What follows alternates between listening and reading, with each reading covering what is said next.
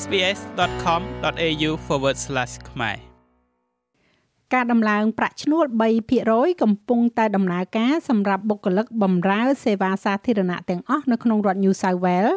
ដោយរដ្ឋាភិបាលរដ្ឋនេះបានលើកកម្រិតប្រាក់ឈ្នួលក្នុងឆ្នាំនេះបន្ទាប់ពីការចាត់សកម្មភាពឧស្សាហកម្មជាច្រើនខែ លោកអភិបាលរដ្ឋក៏បានប្រកាសផងដែរនៅកំណត់ត្រាថវិកាចំនួន4500លានដុល្លារសម្រាប់ប្រព័ន្ធសុខាភិបាល ដែលកំពុងតែជួបការលំបាករួមទាំងផែនការជ្រើសរើសបុគ្គលិកពេទ្យចំនួន10000នាក់និងប្រាក់រង្វាន់ចំនួន3000ដុល្លារជូនដល់បុគ្គលិកសុខាភិបាលដែលមានស្រាប់នៅខាងក្រៅមន្ទីរពេទ្យដ៏មមាញឹកបំផុតនៅភាគនិរតីនៃទីក្រុងស៊ីដនី អភិបាលរដ្ឋ New South Wales លោក Dominic Perrottet បានសន្យាថានឹងមានការធូរស្បើយឡើងនៅទូទាំងរដ្ឋប្រព័ន្ធសុខាភិបាលរបស់លោកបានរងការវាយប្រហារដោយសារជំងឺរាតត្បាត COVID-19 រយៈពេល2ឆ្នាំកន្លះជាមួយនឹងបុគ្គលិកមិនគ្រប់គ្រាន់និងតម្រូវការកើនឡើងខ្លាំង We need to ensure that not just us យើងត្រូវធានាថាមិនមែនតែយើងទេប៉ុន្តែកូនកូនរបស់យើង និងកូនកូនរបស់ពួកគេ មានលទ្ធភាពទទួលបានសេវាថែទាំសុខភាពល្អបំផុតតាមដែលអាចធ្វើទៅបានហើយនឹងសេវាកម្មល្អបំផុតតាមដែលអាចធ្វើទៅបាន។ការងាររបស់ខ្ញុំគឺដើម្បីតស៊ូមតិក្នុងនាមអ្នករាល់គ្នានៅទូទាំងរដ្ឋ New South Wales ហើយខ្ញុំគិតថាយើងនៅថ្ងៃនេះយើងនៅចំណុចនេះគឺយុត្តិធម៌និងសមហេតុផល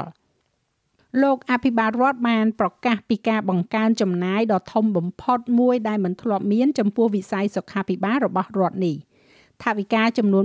4500លានដុល្លារនឹងត្រូវបានផ្ដល់ជូនក្នុងរយៈពេល4ឆ្នាំខាងមុខ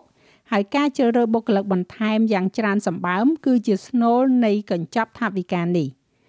ការរើសបុគ្គលិកពេញម៉ោងចំនួន10000នាក់គឺជាចំនួនកំណត់ត្រាមួយដែលកំពុងធ្វើឡើងសម្រាប់បុគ្គលិកពេទ្យជាមួយនឹងផែនការសម្រេចឲ្យបានចំនួន7600កន្លែងនៅឆ្នាំក្រោយលោកស្រី Brownie Taylor គឺជារដ្ឋមន្ត្រីសុខាភិបាលតំបន់ជនបទនៃរដ្ឋ New South Wales លោកស្រីមានប្រសាសន៍យ៉ាងដូចនេះថា It's nurses, it's doctors, it's physios, it's so ការងារទាំងនោះគឺគិលានុបដ្ឋាយិកាវិជ្ជបណ្ឌិត physio OT ជាអ្នកឯកទេសព្យាបាលក្មេងដែលមានបញ្ហាក្នុងការនិយាយស្ដី speech pathologies គឺជាអ្នកព្យាបាលចម្រុះគឺជាមនុស្សទាំងអស់ដែលយើងត្រូវការដើម្បីរក្សាប្រព័ន្ធរបស់យើងឲ្យដំណើរការប្រាក់រង្វាន់លើកទឹកចិត្តឬហៅថាប្រាក់ bonus ដែលផ្ដល់ជូនម្ដងចំនួន3000ដុល្លារ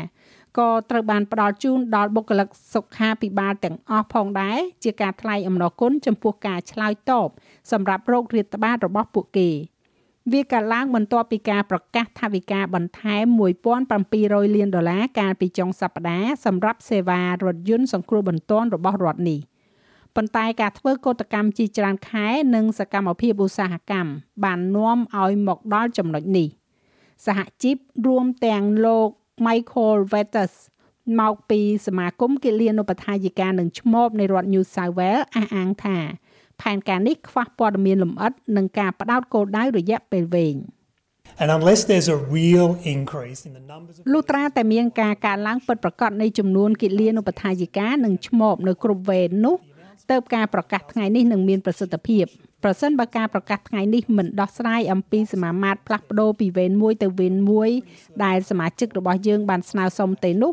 វាជាការអរគុណដែលពួកគេកំពុងស្វែងរក នៅពេលនោះយើងប្រកាសជានឹងអំពាវនាវឲ្យមានសកម្មភាពឧស្សាហកម្មបន្ថែមទៀតមុនពេលអាណត្តិរបស់រដ្ឋាភិបាលនេះត្រូវបានបញ្ចប់ទៅរដ្ឋាភិបាលរដ្ឋ New South Wales ក៏កំពុងតែដំឡើងកម្រិតប្រាក់ឈ្នួលលើវិស័យសាធារណៈដែលមានតាំងពីឆ្នាំ2011ផងដែរ។ ប្រាក់ឈ្នួលត្រូវបានកំណត់ឲ្យកើនឡើងពី2.5ទៅ3%នៅឆ្នាំហិរញ្ញវត្ថុដែលនឹងចូលមកដល់នេះនិងរហូតដល់ទៅ3.5%នៅឆ្នាំក្រោយដោយផ្អែកទៅលើផលិតភាពបុគ្គលិកវាគឺជាវិធានការមួយដែលជះឥទ្ធិពលដល់បុគ្គលិករដ្ឋទាំង4សែននាក់នៅក្នុងរដ្ឋ New South Wales រួមទាំងបុគ្គលិកសុខាភិបាលគ្រូបង្រៀនមន្ត្រីប៉ូលីសនិងអ្នកបោះសម្អាតប៉ុន្តែសហជីព ពិពណ៌នាការដំឡើងប្រាក់ខែចំនួន3%នេះថាមានកម្រិតទៀបជាងអតិផរណាឆ្ងាយណាស់កោតកម្មដែលបានគ្រោងទុកសម្រាប់ថ្ងៃពុធនេះនៅតែក្រងនឹងដំណើរការទៅមុខជាមួយនឹងគិលានុបដ្ឋាយិកាគ្រូបង្រៀននិងបុគ្គលិកដឹកជញ្ជូនសាធារណៈចំនួន30,000នាក់នឹងដើរចេញពីការងារ ចាស់ហើយរបាយការណ៍នេះចងក្រងឡើងដោយ Oma Dihen សម្រាប់ SBS News និងប្រាយសម្រួលសម្រាប់ការផ្សាយរបស់ SBS ខ្មែរដោយនាងខ្ញុំហៃសុផារ៉ានីចូលចិត្តអ្វីដែលអ្នកស្ដាប់នេះទេ Subscribe SBS ខ្មែរនៅលើ Podcast Player ដែលលោកអ្នកចូលចិត្ត